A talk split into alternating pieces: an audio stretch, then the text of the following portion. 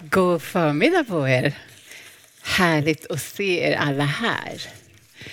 Eh, och jag tänker att eh, särskilt nu när det är lite så restriktioner igen så behöver man ju lite värme. Så jag tänker att ni kan väl, ni behöver inte kasta er över varandra, men ni kan le mot varandra där ni sitter och säga hej, kul att du är här idag. Så där. Ja, se så fint det går. Härligt hörni. Sprida lite värme, det är härligt att göra. Hörni, vi lägger den här stunden i Guds händer också. Tack Jesus för att du är här. Tack Herre för att du, eh, du ser var vi är, du ser vad vi längtar efter Herre. Du vet vad vi behöver. Och nu lägger vi den här stunden också i dina kärleksfulla händer. Amen. Ja, men det här är en lite konstig söndag och en härlig söndag på ett och samma gång. Eh, jätte Annorlunda är det ju för mig, men roligt att få stå här i församlingens gemenskap. Nu ska vi tänka framåt, tänker jag, sträcka oss framåt och eh, vi ska leva framåtvända, brukar en vän till mig säga, och det är det vi ska göra. Men jag skulle vilja stanna upp för vårt uppdrag idag. Eh, uppdraget som församlingen har. Vi har faktiskt ett uppdrag. Eh, tillbaka till grunden skulle man kunna säga, back to the basics. Eh, jag tänker så här att eh, vi är en församling och då kan man fundera, vad är en församling då? Ja, men det är ju en gemenskap. Det är Guds familj. Vi är Kristi kropp och det kan ju låta lite konstigt om man inte är insatt i termer, men det betyder ju att vi får vara Kristi Jesu armar, Hans händer som berör människor, hans fötter som går till människor, hans ögon som ser människor. Känna hans hjärta för människor. Det får vi vara. Eh, men ni vet, det här med uppdrag, vision och eh, man skulle kunna säga mission statements. Det är något som finns i många verksamheter, i organisationer, i företag. Församlingen är inte ett företag. Vi är en levande organism. Men i alla fall, det här med mission statements. Det är ju korta små meningar som förklarar vad en organisation, varför den finns, vilket uppdrag den har eller vad den försöker göra. Eh, ni ska få se några stycken och så får ni gissa om ni kan komma på vilket företag som ligger bakom de här. Här kommer det första. Att erbjuda ett brett sortiment av väldesignade och funktionella heminredningsartiklar till så låga priser att så många som möjligt har råd att köpa dem. Vad kan det vara? Ikea. Ni är på G, härligt. Okej, okay, här kommer nummer två. Eh, det här är på English då. då. Eh, to bring inspiration and innovation to every athlete in the world. Ja, Nike. Och ser ni vad det står där? If you have a body, you are an athlete. Alltså har du en kropp så är du en atlet. Det visste faktiskt inte jag. Men nu känns det väldigt bra helt plötsligt. Okej, okay. nästa är den här. Att skapa den säkraste och mest spännande bilupplevelsen för moderna familjer. Ja, eller hur? Tänk, en gång var Volvo svenskt. Ah. Eh, nummer fyra, to organize the world's information and make it universally accessible and useful.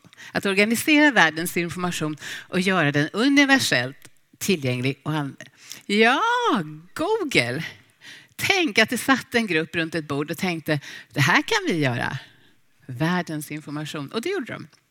Okej, okay. eh, nu kommer en till.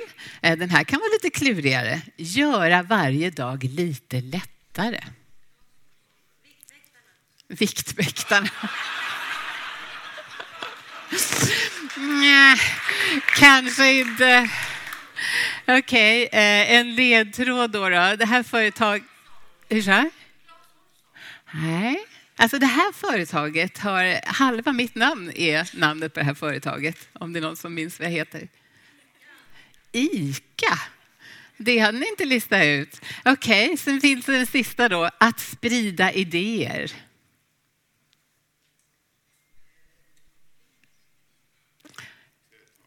TED Talks, TED, precis. Och vad har alla de här olika mission statements gemensamt då? Jo, det ligger naturligtvis enormt mycket arbete bakom det här. Ni vet fokusgrupper, undersökningar och så ska man formulera någonting. Eh, men det jag tänker på, att slutligen så är det ledaren för en organisation som haft mest att säga till om och som ska bära det här och ge det inflytande. Och därför tänker jag att det är bra för oss att påminna oss om vad ledaren för den här församlingen har sagt om församlingens uppdrag. Och ledaren för den här församlingen är Jesus Kristus. Pastorer vet ni, vi kommer och vi går. Vi är i en församling för en tid. Men ledaren för församlingen och för den här församlingen är Jesus Kristus. Så är det. Vi är en Jesus-församling. Grunden för församlingen den vilar på Jesus och jag tänker särskilt på ett par bibelord som Jesus, eh, det han säger i Bibeln som vi ska se på idag. Det här har Jesus sagt. Det fanns ett tillfälle när Jesus eh, skulle lämna den här världen. Han skulle återvända till sin far i himlen och han var tillsammans med sina lärjungar. Han hade ju levt sitt liv på jorden, undervisat, helat människor, gjort under och, och liksom visat och undervisat på alla sätt. Men så kommer den här stunden. Han ska lämna sina lärjungar. De ska liksom ta över och leda kyrkan framåt. Så säger han det här. Gå därför ut och gör alla folk till lärjungar. Döp dem i Faderns och Sonens och den helige Andens namn och lär dem att hålla de bud jag har gett er. Och jag är med er alla dagar till tidens slut. Det här kallas ju för missionsbefallningen. Det är det Jesus säger att vi ska göra tillsammans. Och vi kan läsa ord som gör, gå, gör lärjungar, alla folk. Det här var ingenting som de skulle behålla för sig själva. Det gällde inte enbart judarna utan alla människor på hela jorden. Jesus säger döp dem i Faderns namn och Sonens och den helige Andens namn. Och han säger lär dem, lär dem att hålla buden jag har gett er. Så vilka bud har Jesus gett oss då? Vad handlar det här om? Jo, men en dag så kom det en, en lagexpert, en man som var kunnig. Han kom till Jesus och så sa han, ah, men Jesus, på riktigt, vad är det viktigaste budet? Vad är det som gäller? Kan du bara säga, vad är det allra viktigaste? Och Jesus han, han säger, jag ska inte bara svara utan jag ska sammanfatta allt för er. Och så säger han så här. Du ska älska Herren din Gud med hela ditt hjärta och med hela din själ och med hela ditt förstånd. Detta är det största och första budet. Sen kommer ett av samma slag. Du ska älska din nästa som dig själv. Vi kallar Matteus 28 för missionsbefallningen. Och i Matteus 22 så är det alltså det här största buden, det som sammanfattar allt. Och de här två bibelorden tänker jag är grunden för det som är vårt uppdrag för oss som församling genom alla tider. Det är det här vi handlar om. Och vi kan plocka några ord ur texten som döp, lär, undervisa. Det är det Jesus säger att vi ska göra. Döp och lär. En del församlingar de tänker så här, ja, men vi ska fokusera på ett av de här orden. Eh, för oss handlar det om djupet. Gör lärjungar. Vi når kanske inte många, men det är inte heller vår ambition, utan vi vill gå på djupet, att man ska lära sig mycket om tron och fördjupa sig. Sen finns det andra församlingar som säger att vårt mål är inte nödvändigtvis fördjupning. Vi tänker bredd bredd, många människor. Vi vill nå många människor, så många som möjligt. Det handlar om bredden, inte djupet för oss. Men vet ni vad? Jag ser inte att ledaren för vår församling, Jesus, ger oss det valet. Vi kan liksom inte välja det ena istället för det andra. För vi behöver vara en plats där alla människor kan få en möjlighet att utvecklas och mogna och ta nästa steg i sin relation till Jesus. För om vi ska lära och undervisa som Jesus sa att vi skulle, så behöver de som är precis i början av en trosresa, som börjar upptäcka det här med tro, kanske inte har en tro men är nyfikna. De behöver kunna hitta en plats att få växa på, att få mogna på, kanske komma fram till en tro. Alfa är en guldplats för det här, där det här kan hända, där man får samtala om saker och upptäcka saker tillsammans och växa. På samma sätt så är det fantastiskt när vi får vara med om ett dop i våra gudstjänster, precis som idag. Och nästa söndag blir det också ett dop. Då är det fest.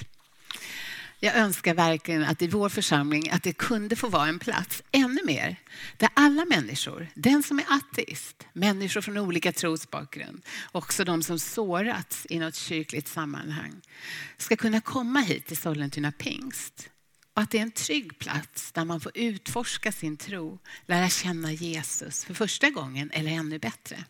Och att det här får fortsätta vara en plats där man kan fundera över de här svåra och tuffa frågorna. Det kan man till exempel göra på apologetiksamlingarna eller på Enter Plus som ungdomarna har. Där man får ställa de här frågorna som, som är svåra för oss. Och samtidigt finns det i vår gemenskap människor som har väldig kunskap i teologi. Eh, och de vill ju också komma vidare på sin trosresa. Man måste också få utmanas då att växa i sin tro och i sitt lärjungaskap ta nya steg tillsammans med Jesus. Ni vet, när vi läser texten älska din nästa som dig själv så älskar jag att det finns insatta personer som säger ja, och jag vet vilket av de grekiska orden för kärlek det var som Jesus använde just här. Ni vet, det är lite häftigt och det är fantastiskt att det också finns. Men frågan som vi alla behöver ställa oss själva är, vet vi namnet på vår nästa? Känner vi vår granne? Har vi lärt känna dem? Älskar vi vår nästa? Och jag skulle vilja inspirera vår församling till att fortsätta att vara och kanske ännu mer vara en församling som utmanar varandra att ta nya steg i tro, uppmuntra varandra och att vi också arbetar för att människor ska utvecklas och få mogna i sin takt. Att vi fångar upp alla där de är och så hjälper vi varandra vidare. Ta nya steg, växa i relation till Jesus, i gemenskap till varandra och andra. Och det här med nya och nästa steg, det kan ju handla om precis nästan hur mycket som helst. Eh, vår församling står inför stora steg som vi ska ta framåt och tar och har tagit framåt. Och jag tänker att en del i steg framåt handlar ju också om framtiden. Att vi lämnar över väl, inte bara från en pastor till en annan, utan om vi som församling vill finnas kvar om 50 år så måste vi hjälpas åt att lämna över på ett bra sätt. Vi behöver lämna över till yngre generationer och växa till på den yngre sidan. För vi bryr ju oss om våra barn och barnbarn, eller hur? Jag hoppas det i alla fall. Och vi vill se den här församlingen växa i många, många år. Och därför behöver vi tänka yngre. Det betyder inte att äldre inte har sin plats. Absolut inte. Alla är värdefulla, alla behövs. Alla har något att tillföra. Men om vi vill att församlingen ska vara kvar om 50 år så måste vi lämna över till de yngre. Och nu kanske någon frågar, ja, och hur ung menar du då? Då tänker jag så här, är du 100 så satsa på en 90-åring. Det kan vara en bra start. Oavsett vilken ålder vi har, så sikta på någon som är lite yngre än dig själv. Jag är 61 år och jag tänker att om jag skulle älska allt som alltid händer här, då har jag nog faktiskt missat något, tänker jag. För det bästa sättet att nå nästa generation, det är ju faktiskt eh, att det är de yngre som får nå varandra. Det bästa som kan hända för er yngre, det är att ni når varandra också. Det vore väldigt tragiskt om jag försökte vara tonåring. Kom till Enter med trasiga jeans och magtröja. En del skulle kanske skratta sig fördärvade och andra skulle få men för livet. Eh, så det är ingenting som jag tänker är en bra grej att satsa på. Jag har ingen aning om vad som egentligen gäller för ungdomar. Jag vet att det finns något som heter TikTok, men jag har aldrig prövat det. Kommer nog inte göra det heller. Så jag tänker att de som är den yngre generationen har ju lättast att nå den yngre generationen. Och det är helt naturligt. Det är inget konstigt med det. Jag tänker att vi alla behöver bygga en sund och stark församling och sen stötta och lämna över den på ett bra sätt till kommande generation. Är ni med på det? Ja, Syra var med på det. Jag tror att det här känns hoppfullt på något vis. Jag tror faktiskt att man kan sammanfatta det Jesus har sagt i de här bibeltexterna som vi läste och det som församlingen handlar om nu och i framtiden med några ord som jag typ har använt i olika sammanhang gång på gång eh, när jag tänker på församlingen. Eh, och jag tänker att det handlar om att hitta steg för att hitta vägar för att människor ska kunna växa i de här olika. Och jag tror att det handlar om att älska Gud, att älska människor och sen få vara med och förändra världen. Och ni har hört mig säga här många olika varianter genom åren. Och jag tror verkligen att det är så enkelt. Det är så djupt och samtidigt så enkelt. Det är det här det handlar om som, för oss som församling, tror jag, för oss som individer också. Att älska Gud, älska människor och så få vara med och förändra världen. Hur många av oss här idag tänker att det vore ju bra om världen förändrades lite grann? Ja, de flesta av oss känner nog faktiskt så. Och jag ser framför mig en församling som älskar Gud, för det tror jag att vi redan gör. Det vet jag att vi redan gör. Och vet ni varför vi älskar Gud då? I Bibeln står det, jo, vi älskar för att han först har älskat oss. Innan du och jag har gjort en endaste sak, oavsett, så har Gud från allra första början älskat oss. Gud älskar dig. Stanna upp och låt det få liksom sjunka in i ditt hjärta. Gud älskar dig. Universums Gud älskar dig. Så i kärlek vill vi tillbe Gud. Vi vill fira gudstjänst tillsammans, sjunga lovsånger, sjunga sånger inför Gud. Vi vill tjäna Gud. Och i allt det här tänker jag att vi vill växa och ta nya steg och mogna längs med vägen. För det handlar inte bara om att ge Gud en timme på söndagen. För när vi läser i Bibeln om den första församlingen så var det inte bara så att de gick till kyrkan på söndagen eller där de samlades, utan de hedrade Gud, de levde sina liv, de gav sina liv. Allt de har, allt de hade gav de till Gud. Guds församling är ju människorna, inte byggnaden. Och jag har funderat mycket på hur skulle det här se ut om jag om vi helt och fullt liksom bara överlät våra liv till Gud. En sak som är intressant är att den första församlingen, de hade inte något som vi har, Bibeln. Vän av ordning kanske säger, ja, men man hade inte Bibeln som vi har, men man hade Gamla Testamentet. Och det hade man. Men på den tiden när man möttes och firade gudstjänst så rullade man ut bokrullarna, man läste bibeltexterna, sen rullade man ihop dem, la undan dem och sen gick alla hem. De hade inte biblar. De hade inte det du och jag har. Det fanns inga tryckpressar. Eh, och jag tänker så här, är du här idag som inte har en bibel, säg till mig efter gudstjänsten så löser vi det. Det är klart att vi vill att du ska få ha en bibel. Du och jag lever i en tid och i en plats på, i världen där vi har Bibeln. Guds kärleksbrev till oss människor som innehåller basinstruktionerna för livet vi lever. Vi har tillgång till alla löften om budorden, berättelsen, om profetorden, saltarsalmer och så mycket mer. Och många av oss kanske har den bara liggande på en hylla någonstans. Kanske en dammsamlare.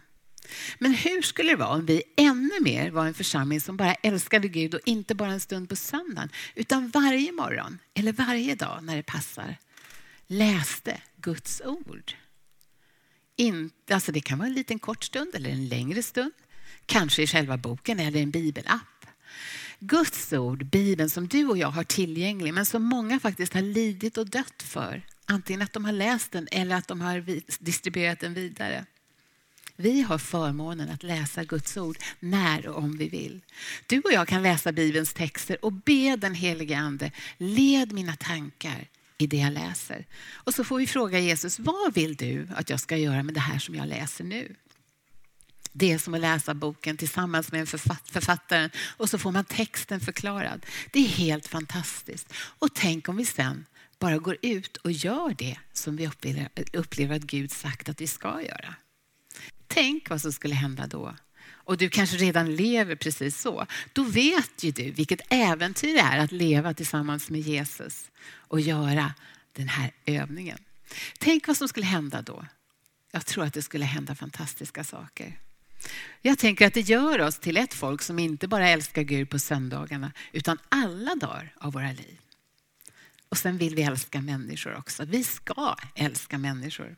I Nya Testamentet så kan man hitta ordet varandra 59 gånger. I den första församlingen så bad man för varandra, man tjänade varandra, man bar varandras bördor och så vidare. Och bilden som målas upp av församlingen i Nya Testamentet, det är en gemenskap som levde livet tillsammans med varandra.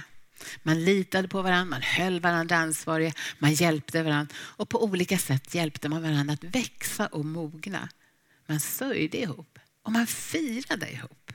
Och det här är något mäktigt och mäktigt och vackert i det här.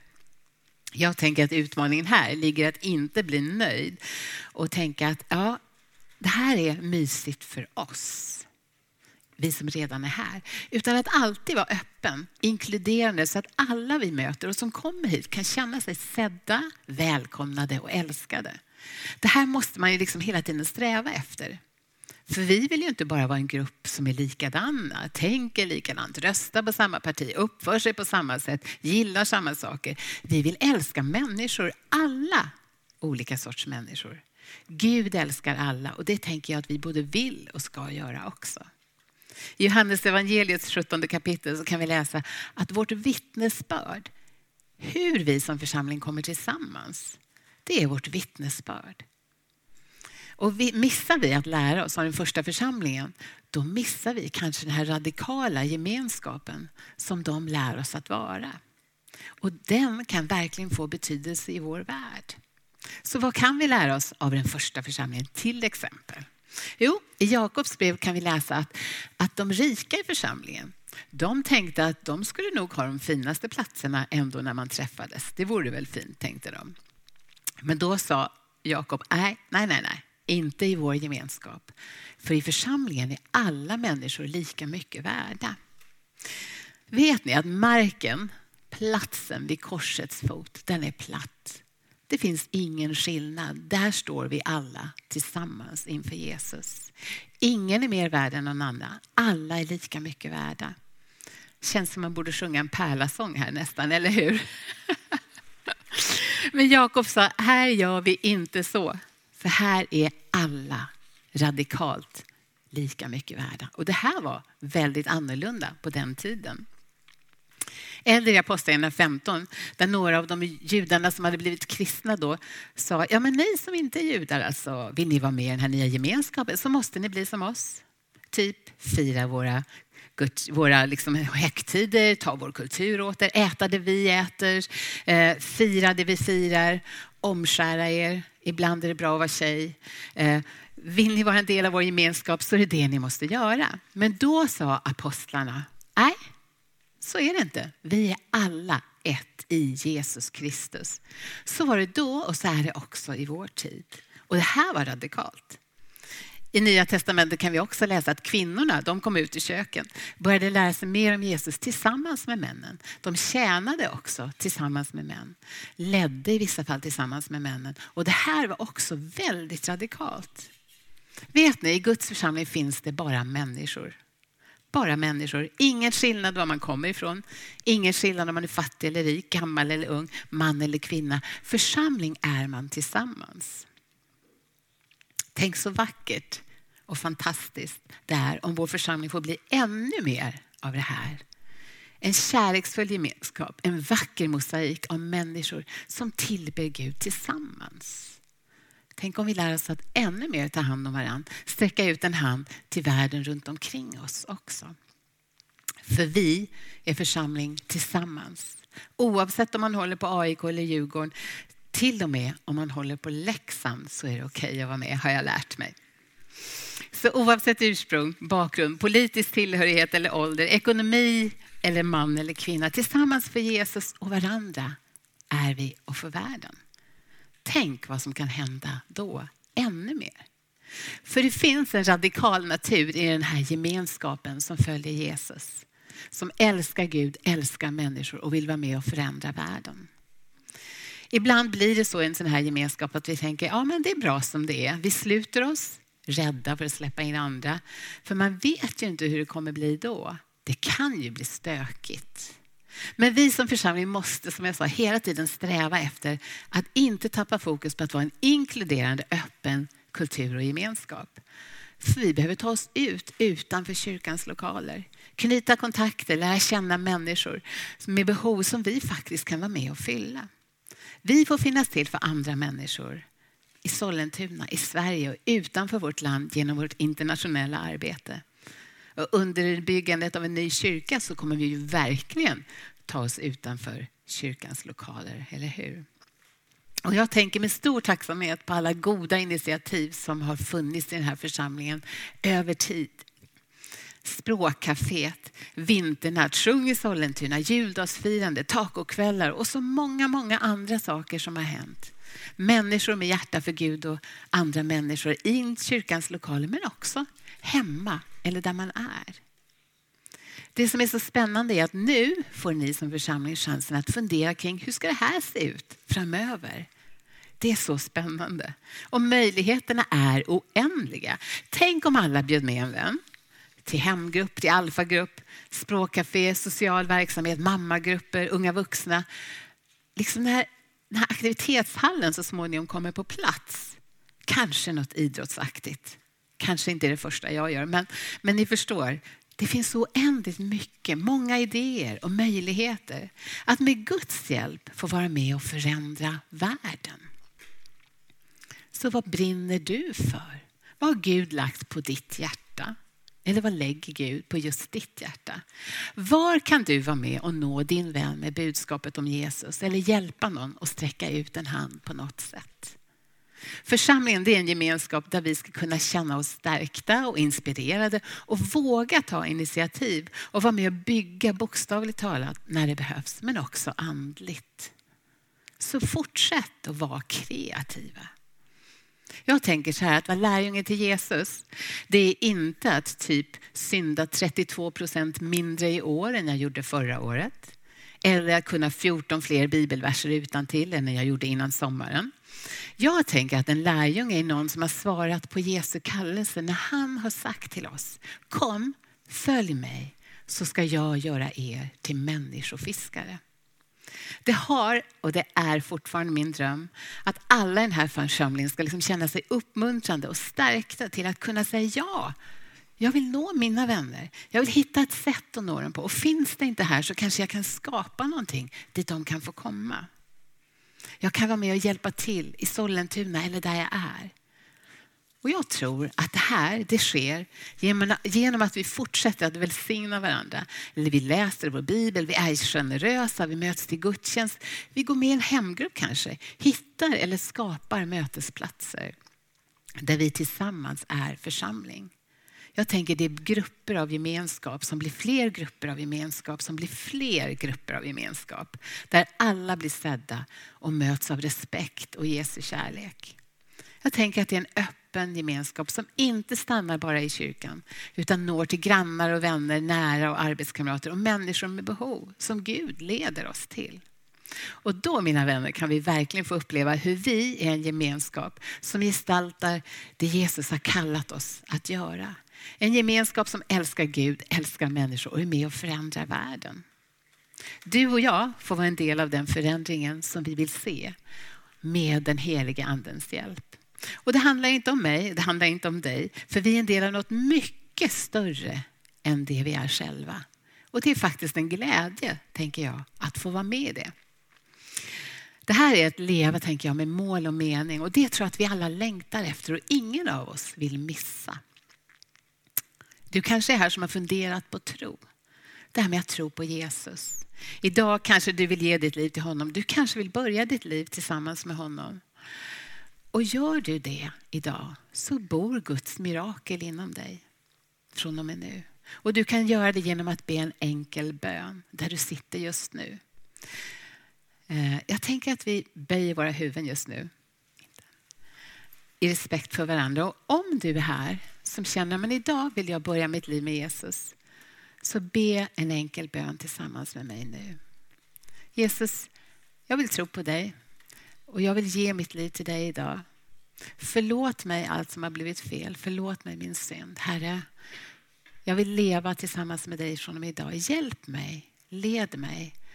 Tack för din kärlek. Jag tar emot dig i mitt liv. I Jesu namn. Amen. Om du har bett den enkla bönen så har ditt liv tillsammans med Jesus börjat idag. Och efter gudstjänsten kan du prata med David eller mig så hjälper vi dig med hur du kan komma vidare och ta nästa steg. Nu kanske någon tänker, men oj, det här med att förändra världen, det kändes jobbigt och tungt. Alltså, ska jag göra allt det där verkligen? Då vill jag bara säga, vi måste inte göra något. Vi måste inte göra något.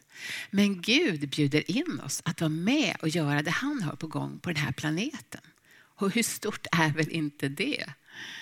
Och vi gör det inte själva, det här är jätteviktigt. Vi gör det tillsammans med Jesus. Vi gör det ledda av den heliga ande. Vi gör det tillsammans med varandra och vi får göra det i den, heliga andes kraft. Och vi kan göra det med glädje och tacksamhet. Jag ska visa en bild för er som har betytt mycket för mig. Som kan beskriva det här. Det här förstår ni. Det här är Sture Karlsson. Det är Pernillas och min farfar. Eh, den här bilden tänker jag kan beskriva någonting eh, av det här. Hur vi är med och förändrar världen, gör skillnad. För jag tänker att det händer ett liv i taget. Och det kan handla om att du ler mot någon i din trappuppgång. Det kan, hända, det kan handla om att bygga relationer. Det kan handla om så mycket, men det är en process. Sture Karlsson alltså. Hur många bönder har vi här förresten idag? Har vi någon? Nej, vi, hade, vi har en, halv bonde någonstans, lite tveksam bonde. Ja, Okej. Okay. Jag tänker så här, att vara bonde, det ser så fint ut. Alla djur, växter, Mandelmans trädgård. Solen skiner alltid, maten är alltid god, teet är alltid färdigbryggt och man bara tänker ja, fint. Men jag har ju anat att det är en del arbete som ligger bakom det här också faktiskt. Annars blir det ingen skörd. Den här bilden fick min pappa och min farmor efter att farfar hade gått bort. Och det syns inte på den här bilden, men ovanför så har hon skrivit själv. Och så står det så här, den glade bonden. Farfar älskade att vara bonde, trots att det ibland var arbete. Han visste vad han gjorde och han visste varför han gjorde det. Ibland kan vi känna att uppgifter eller utmaningar, precis som farfar, liksom kan vara lite tuffa eller det kan kräva någonting av oss. Eh, men då tänker jag att vi precis som min farfar får lita på att vi är en del av ett skeende. Ni vet, man förbereder jorden, man är med och sår, man vattnar, ibland gallras det. Men det är Gud som ger växten. Det hänger inte på dig och mig, det hänger inte på oss. Och när det såtts och vuxit upp, då kommer skörden. Och det är något fantastiskt. Det är fantastiskt. I Bibeln använder sig Paulus av den här bilden av växt och skörd. Och så säger han att ibland är det någon som planterar, någon annan får vattna. Men det är Gud som ger växten. Och du och jag får vara med i människors liv i olika säsonger, vid olika tillfällen. Vi får göra skillnad och ibland får vi vara med och förbereda jorden. En annan gång får vi kanske plantera. Ibland får vi vara med och vattna och när det blir skörd, då får vi glädjas tillsammans. Då firar vi det tillsammans. Och ibland tänker vi att det är bara när det är skörd som det spelar någon roll. Det är bara det som har ett värde. Men ditt bidrag längs vägen är viktigt. Det är viktigt. Om du, den, om du är den som vattnar, då kanske det aldrig blivit någon skörd om du inte hade vattnat i någons liv längs vägen. Så jag vill uppmuntra dig att vara som min farfar och Pernillas farfar Sture. Var som den glade bonden. Gläd dig åt att du får vara med som en del i Guds plan. Du har en uppgift som är din. Det är en välsignelse att kunna få vara till välsignelse i människors liv. Det är det som gör resan och våra liv i församlingen så fantastiskt, tänker jag. Och vet ni något som är helt fantastiskt också? Det är att Jesus har lovat oss det här. Han säger, jag är med er alla dagar till tidens slut. Han är med oss hela vägen, varje steg av vägen. Och det här tänker jag förändrar allt för oss personligen och allt för oss som församling. Utan honom är vi förlorade. Tillsammans med honom har vi allt. Så vilket uppdrag har vi som församling? Vad har vår ledare sagt? Jo, Gå därför ut och gör alla folk till lärjungar. Döp dem i Faderns och Sonens och den helige Andens namn och lär dem att hålla alla de bud jag gett er och jag är med er alla dagar till tidens slut. Och så sa Jesus, du ska älska Herren din Gud av hela ditt hjärta, med hela din själ, med hela ditt förstånd. Detta är det största och första budet. Sen kommer ett av samma slag. Du ska älska din nästa som dig själv.